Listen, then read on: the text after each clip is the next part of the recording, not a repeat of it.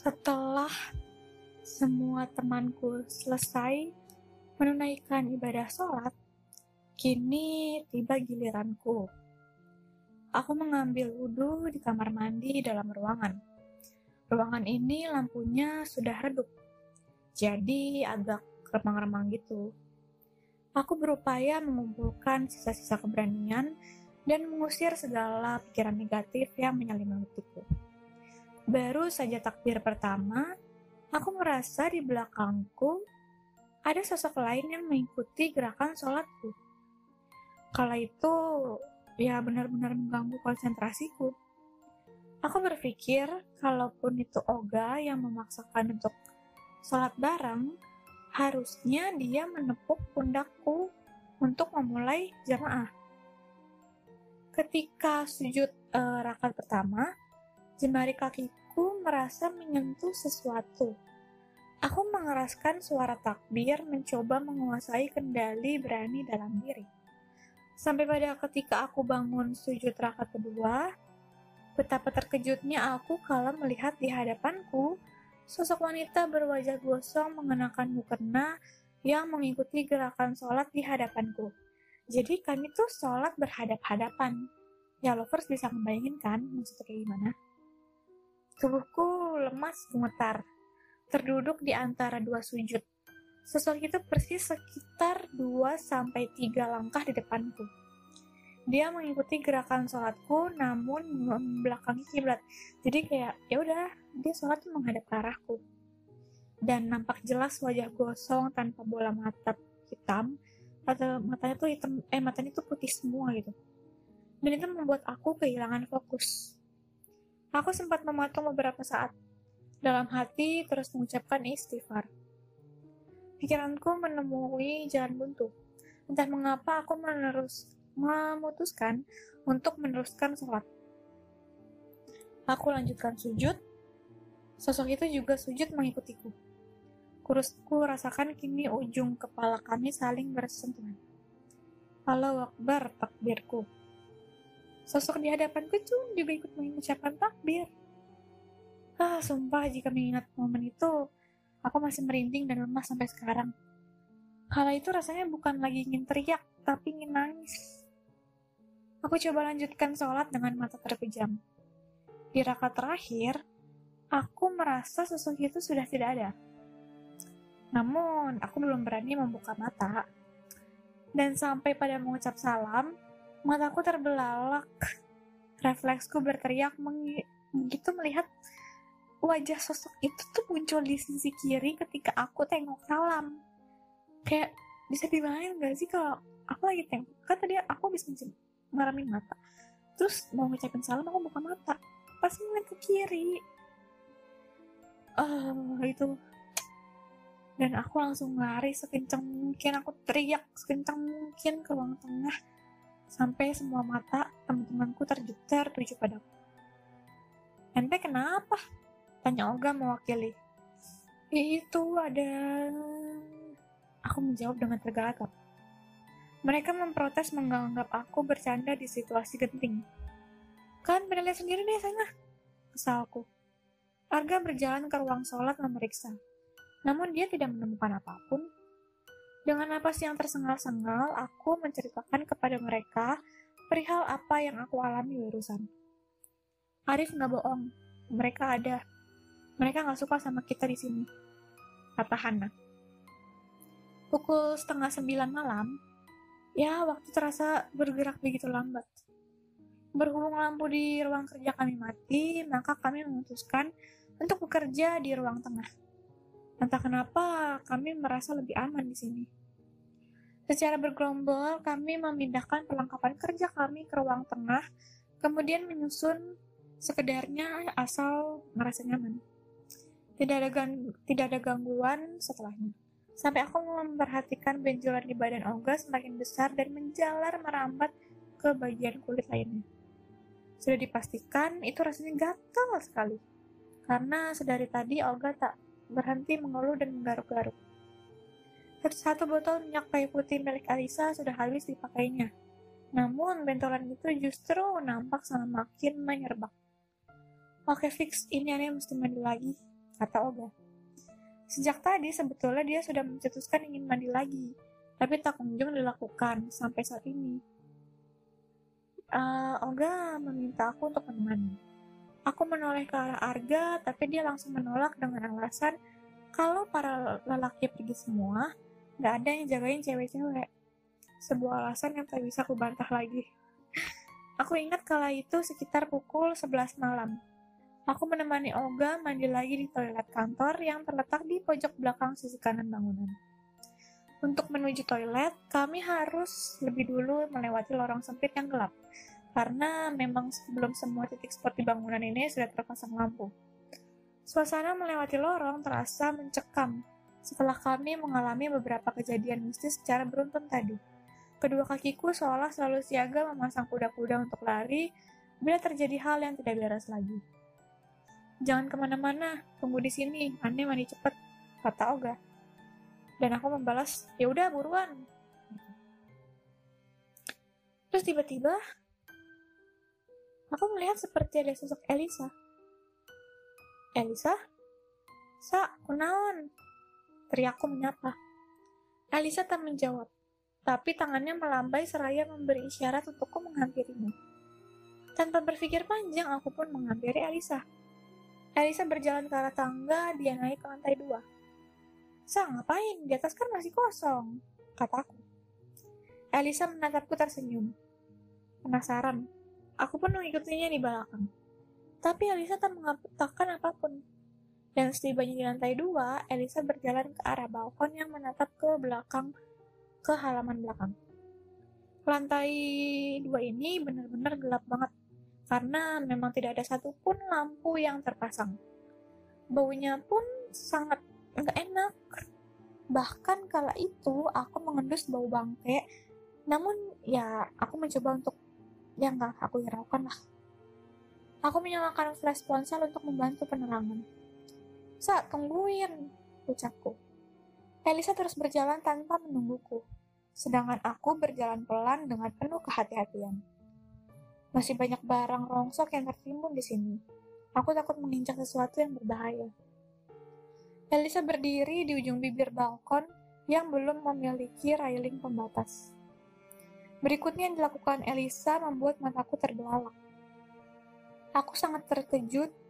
Elisa menengok ke arahku, tersenyum lalu melompat. Elisa! Refleksku berteriak ketika melihat dia terjun bebas celing bangunan ini cukup tinggi. Kemungkinan untuk mati itu pasti ada. Apalagi bila dia membentur batu-batu alam yang ada di halaman belakang. Aku mempercepat lang langkahku dan kakiku lemas, tubuhku gemeter begitu melihat Elisa dari atas. Secara jelas telungkup tak sadarkan diri dengan kepala bercucuran darah. Aku benar-benar syok kala itu. Aku mengumpulkan sisa-sisa tenaga, lalu bergerak secepatnya turun ke bawah. Napasku tersengal-sengal. Aku panik, tak terkontrol, membuat badanku basah bermandikan keringat. Aku menuruni anak tangga melingkar, hingga sampai bawah langkahku terhenti oleh suara tak asing. Rif! Rif, mana kenapa? Dari ruang tengah, Elisa berdiri tegak menyapaku. Wah, Tubuhku mematung kaku. Aku syok dan bingung banget. Elisa nanya, Rif, kenapa tadi teriak manggil? Lalu aku berjalan ke ruang tengah masih dalam perasaan panik setengah mati. Aku menjelaskan kejadian yang aku alami tadi di atas dengan tergagap dan napas tersengal. Harga memintaku untuk tenang, karena memberikanku segelas air. Sedangkan Elisa dia diam dia diam seribu tanya. Kenapa aku? Alisa menjatuhkan sandarannya ke sofa. Au! Refleks Alisa menunjukkan jari telunjuk kanannya. Berdarah. Ini bukan jarum, tapi ini kayak duri mirip sisik ikan, kata Hana. Alisa tertusuk duri mirip sisik ikan yang tertancap di sofa, dan tak sengaja tertekan olehnya. Darah dari uh, jari telunjuknya tak, tak terhenti mengalir deras berwarna merah pekat. Dari mana sisik ikan bisa ada di sofa ini? pikirku. Brak! Terdengar suara orang terjatuh dari lorong. Oga! Kami semua serentak menyusul Oga ke toilet. Semua mata terbelalak begitu melihat tubuh Oga terkapar pingsan di lorong depan pintu toilet. Anehnya, sekujur tuh baju Oga itu nepek oleh air. Aku dan Arga langsung menggotong Oga yang bobotnya cukup berat ke ruang tengah. Lalu kami rebahkan di sofa. Tak lama, Oga tersadar. Raut wajahnya langsung berubah panik, dan mulanya dia menyalahkanku karena meninggalkannya. Kami berdebat singkat, namun dilerai oleh Arga. Kemudian Arga menceritakan apa yang dialaminya barusan. Jadi, begini, teman-teman. Aneh, nggak tahu kenapa ya. Sejak mandi pas maghrib, badan aneh tuh rasanya gatel banget Bentol-bentolnya juga makin banyak sampai sekarang. Cuma pas tadi mandi, tiap aneh guyur badan, gatal-gatalnya tuh hilang kalau kena air. Pas mandi, pintu kamar mandi aneh tuh kayak ada yang ngetok gitu. Keras banget gitu. Aneh pikir itu Arif. Ya, kesel lah aneh buka pintu sedikit terus ngelongok keluar. Tapi nggak ada siapa-siapa. Terus aneh mulai merinding. Ya udah aneh buru-buru beresin uh, selesai mandi gitu kan. Tiba-tiba ada lagi yang ngetok keras banget ngetoknya kayak orang mau dobrak pintu gitu loh. Terus aneh udah selesai mandi nih tapi nggak berani buat keluar. Aneh panggil panggil Arif mulanya tuh gak ada yang nyaut gitu loh. Tapi tiba-tiba aneh dengar suara Arif gitu kan. Iya. Itu jelas banget aneh dengar suara Arif yang nyaut. Ya udah aneh keluar dong. Tapi yang aneh lihat di lorong kamar mandi itu malah sosok makhluk berbulu tinggi besar sampai kepalanya agak nunduk mentok ke atap lorong. Kedua matanya mel matanya tuh ini ya merah menyala dan serem banget. Makhluk itu tuh tiba-tiba lari kayak binatang buas mau, mau nyergap aneh sampai sampai jatuh ke belakang. Dan dari situ tiba-tiba ya udah semuanya gelap gitu. Aneh udah nggak bisa ingat apa-apa lagi. Ya nggak tahu juga ini gimana bisa badan aneh sampai basah lepek kayak gini. Padahal posisinya tuh pas disergap itu aneh udah keluar dari kamar mandi.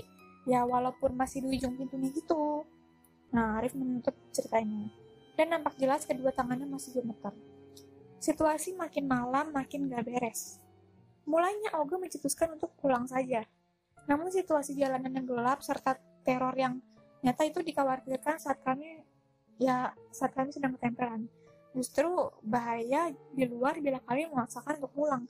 Apalagi kondisi badan juga tuh ya kerasanya lelah banget gitu kan dan sepertinya pilihan satu-satunya pilihan yang bijak tuh adalah ya udah bersama-sama menunggu sampai pagi hari kami berunding menerka-nerka mencoba membaca situasi yang terjadi saat ini Hana yang memiliki kelebihan kepekaan terhadap hal mistis mengutarakan bahwa mereka yang ada di sini tidak suka dengan keberadaan kita.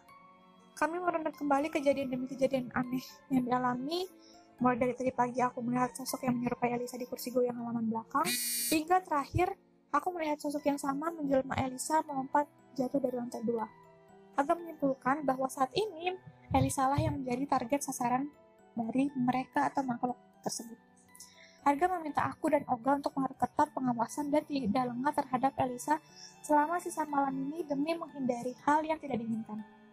Berikutnya aku mengalihkan perhatian. Kami lanjut bekerja meski tidak dapat dipungkiri bahwa ya kami masing-masing itu masih terjebak di rentetan kejadian di luar nalar yang menimpa hari ini.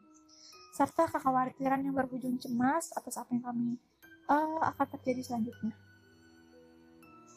Tok tok tok, seketika pintu utama tergedor. Tok tok tok, tergedor sekali lagi. Kami semua saling menatap satu sama lain setelah apa yang terjadi, bunyi suara pintu terketuk menjadi momok menakutkan saat ini bagi kami. Tok tok tok, ketuknya berikut, ketukan berikutnya lebih keras.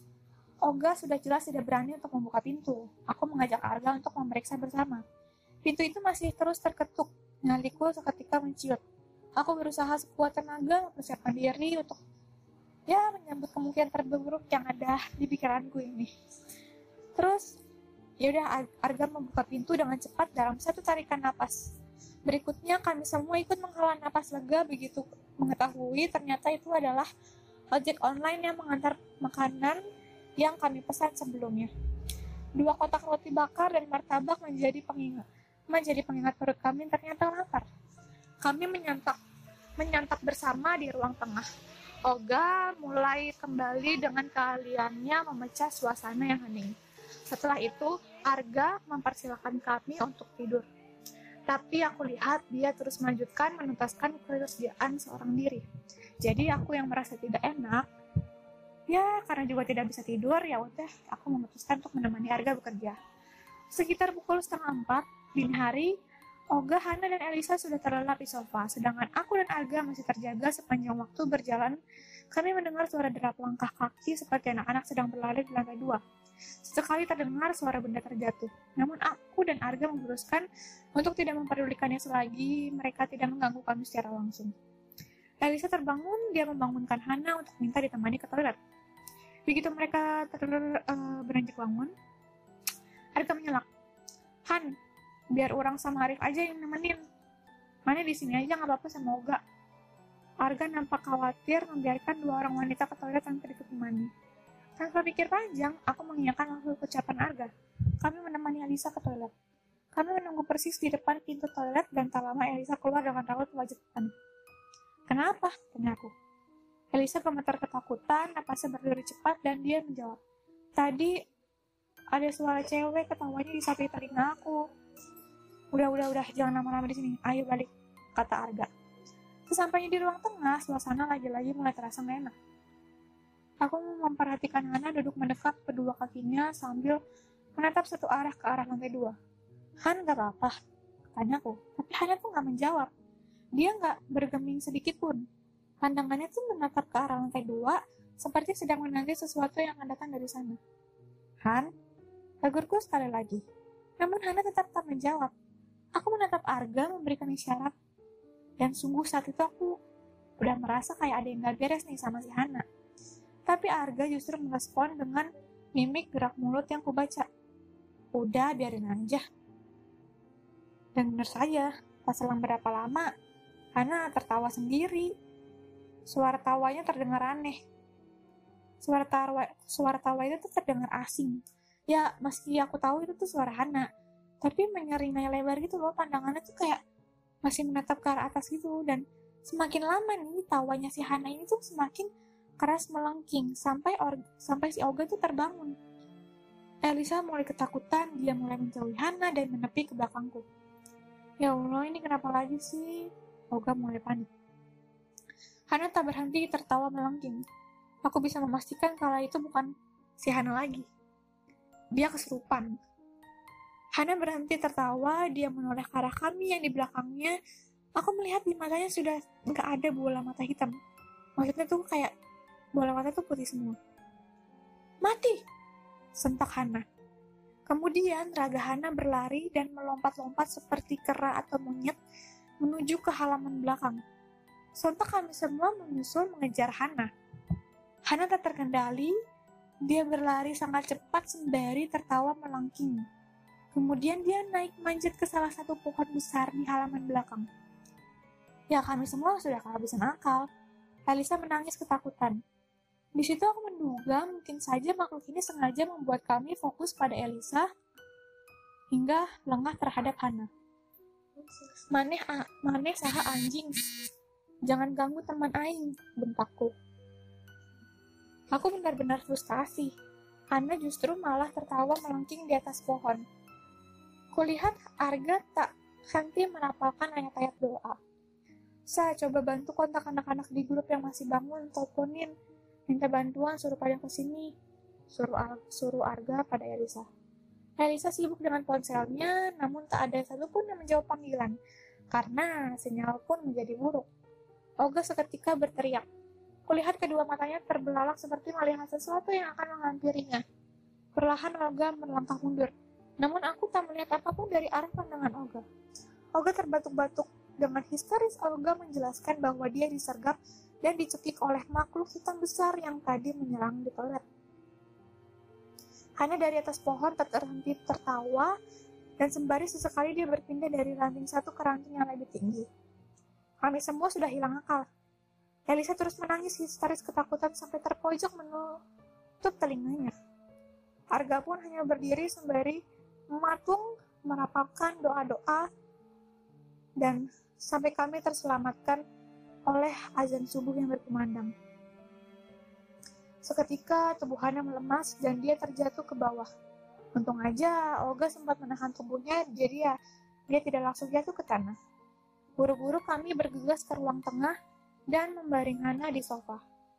Hari mulai terang. Aku benar-benar bisa bernapas lega begitu melihat sinar matahari yang menyorot. Masing-masing dari kami merasa sangat syok. Hana terbangun. Dia tidak menyadari apa yang dialaminya selain merasa sekujur badannya remuk, kepalanya sakit, serta luka-luka baret yang menggores ke kulitnya. Hari itu juga kami menjelaskan kepada pimpinan terkait apa yang kami alami semalam. Luka-luka Hana, bentol-bentol di tubuh Oga, serta duri yang menusuk di jari Alesa adalah bukti nyata bahwa kami tidak mengada-ngada. Saat itu diputuskan bahwa kantor akan segera mengadakan syukuran dan mengundang tokoh masyarakat serta pemuka agama sekitar. Uh, sejak acara syukuran itu berlangsung, uh, tapi acara syukuran itu nggak berlangsung mulus terjadi kesurupan massal dan beruntung mereka dibantu oleh Pak Ustadz yang diundang untuk mengatasi ritual uh, situasi tersebut. Dan Ustadz ini menghimbau kepada pimpinan untuk sebaiknya pindah saja. Dan sejak tertusuk duri mirip susik ikan, Elisa tuh sakit sakit dan demam tinggi yang tak kunjung sembuh. Meski udah berobat ke dokter. Nah, hasil Justru Elisa sembuh oleh orang pintar yang mengatakan bahwa dia ketempelan. Nah, dan tiga bulan sudah berlangsung, teror ini tuh terus terjadi berujung pada banyaknya karyawan yang memutuskan untuk resign termasuk Elisa dan Rama. Rama ini tuh uh, salah satu rekan kerja juga dari divisi, dia tertusuk duri pada hari syukuran. Dan Rama tuh justru dia lebih parah. Dia tuh uh, terus-terusan kesurupan. Nggak terkendali selama hampir satu bulan. Ya kurang lebih. Kurang lebih seperti itulah lovers ceritanya cukup seram ya dan seperti biasa dari Jerapel itu selalu ada satu kalimat penutup yaitu mereka ada hidup berdampingan dan beriringan namun jangan sampai bersinggungan. Jangan memulai apa yang tidak bisa diakhiri.